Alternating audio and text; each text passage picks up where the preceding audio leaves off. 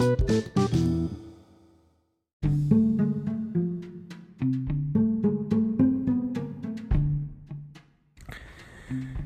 selamat malam sahabat-sahabat lembur luar sana. Kembali lagi bersama kisah klasik lembur episode 5972 di tahun ini Di mana kita sudah menuju ke penghujung tahun Jadi stay tune untuk uh, puluhan ribu episode berikutnya uh, di kisah klasik lembur Bersama gue malam hari ini ada rekan kerja gue yang biasa juga lembur di kantor Cuman biasanya gue di daerah barat, dia di daerah barat daya jadi agak jauh Namanya Namira, gue menyapa dulu Hai Namira, apa kabar? Apa eh, ya baik ya capek lembur cuman ya seperti biasa lah ya sudah biasa kok. sudah biasa lembur dia Iya. eh, circle gue biasa lembur jadi eh, itu hal yang lumrah ya lembur ya iya. oke eh, hari ini gue mau ngebahas lagi keresahan gue yang menurut gue juga keresahan banyak orang terutama mungkin cowok-cowok ya.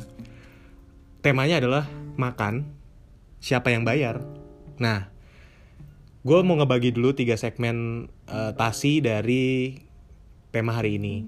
Segmentasinya adalah makan sama pasangan eh, sorry sama lawan jenis fase temenan makan sama lawan jenis fase PDKT atau pendekatan dan juga makan dengan lawan jenis pada fase pacaran nah gue mau nanya pendapat lu menurut lu sebenarnya di tiga fase itu pada saat lu makan bareng itu siapa sih yang harus bayar Kalau menurut gue ya, ini personal opinion only.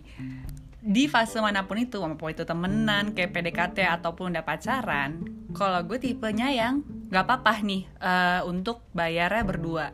Eh, unless si lawan jenis ini dia sudah memiliki tingkat eh, financial yang sudah lebih map- eh, tinggi, lebih mapan, lebih secure dan lebih mature. Pokoknya ada special case lah ya. Tapi untuk generally kalau dari sisi gue sih eh, I'm op- I'm okay dengan eh, bayarnya berdua.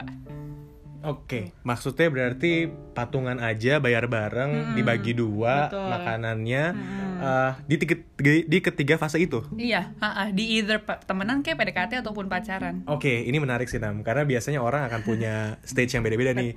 Pada saat temenan dia merasa oke aja buat bagi dua, be- begitu pacaran bagi dua, terus akan ada suara-suara negatif biasanya.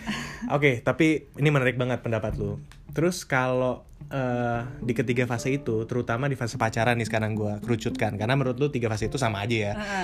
Cuma kalau menurut gue di fase pacaran ini fase yang menurut gue paling beda sih. Pertama, apa pendapat lu kalau lawan jenis lu pada fase pacaran bayar makan, terus dia bilang, udah gua aja yang bayar. Apakah itu meningkatkan eh, ketertarikan atau kecintaan lu sama dia dengan dia mau bayarin lu makan? For me it doesn't matter ya mau dia yang bayarin, mau itu berdua, it- itu nggak nggak nggak nge-efek ke gue eh, rasa affection gue ke dia. Apakah gue akan lebih suka sama dia atau lebih cinta sama dia itu doesn't matter dari situ sih. Eh karena menurut gue itu nggak masuk ke dalam kriteria gue lah. Ya karena again gue I don't mind paying kayak half half gitu sih. Oke, berarti kalau dari lu tingkat kesukaan tidak diukur dari dia bayarin atau nggak bayarin? Betul. Oke, karena menurut lu yang tadi kembali ke awal, uh, paruan lu akan lebih nyaman, uh, kecuali ada special case kayak laki-lakinya lebih mapan, uh, tingkat finansialnya juga lebih baik dan lain-lain, dan mungkin punya gap yang, oh kayaknya dia uh, bekerjanya atau profesional karirnya sudah lebih bagus daripada gua, gua akan open untuk kalau dibayarin gitu ya. Setuju, setuju. Oke, terakhir sih ini, gua ini keresahan uh, banyak laki-laki dan juga perempuan menurut gua. Gimana kalau laki-lakinya pada saat fase pacaran dia bilang, e, Nam, bayarin dulu dong. eh menurut gue, kalau kita tuh udah se- seorang pasangan udah nyampe tingkat pacaran, meaning kan mereka udah trust each other nih.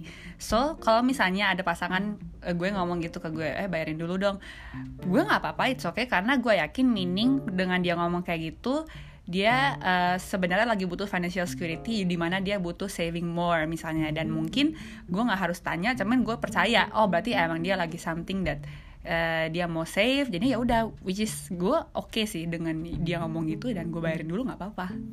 Ini keren banget sih karena menurut gua di halayak umum biasanya jarang jarang banget nam yang punya pemikiran kayak ini. Tapi thank you juga untuk nge-share uh, pendapat lu dan cara pikir lu. Menurut gua kalau gue boleh simpulin dari pendapat lu tadi sebenarnya nggak ada masalah bayarin atau nggak bayarin karena patungan itu sebenarnya juga salah satu cara lah ya dan itu nyaman juga gitu karena kita nggak ada tanggung jawab uh, lebih.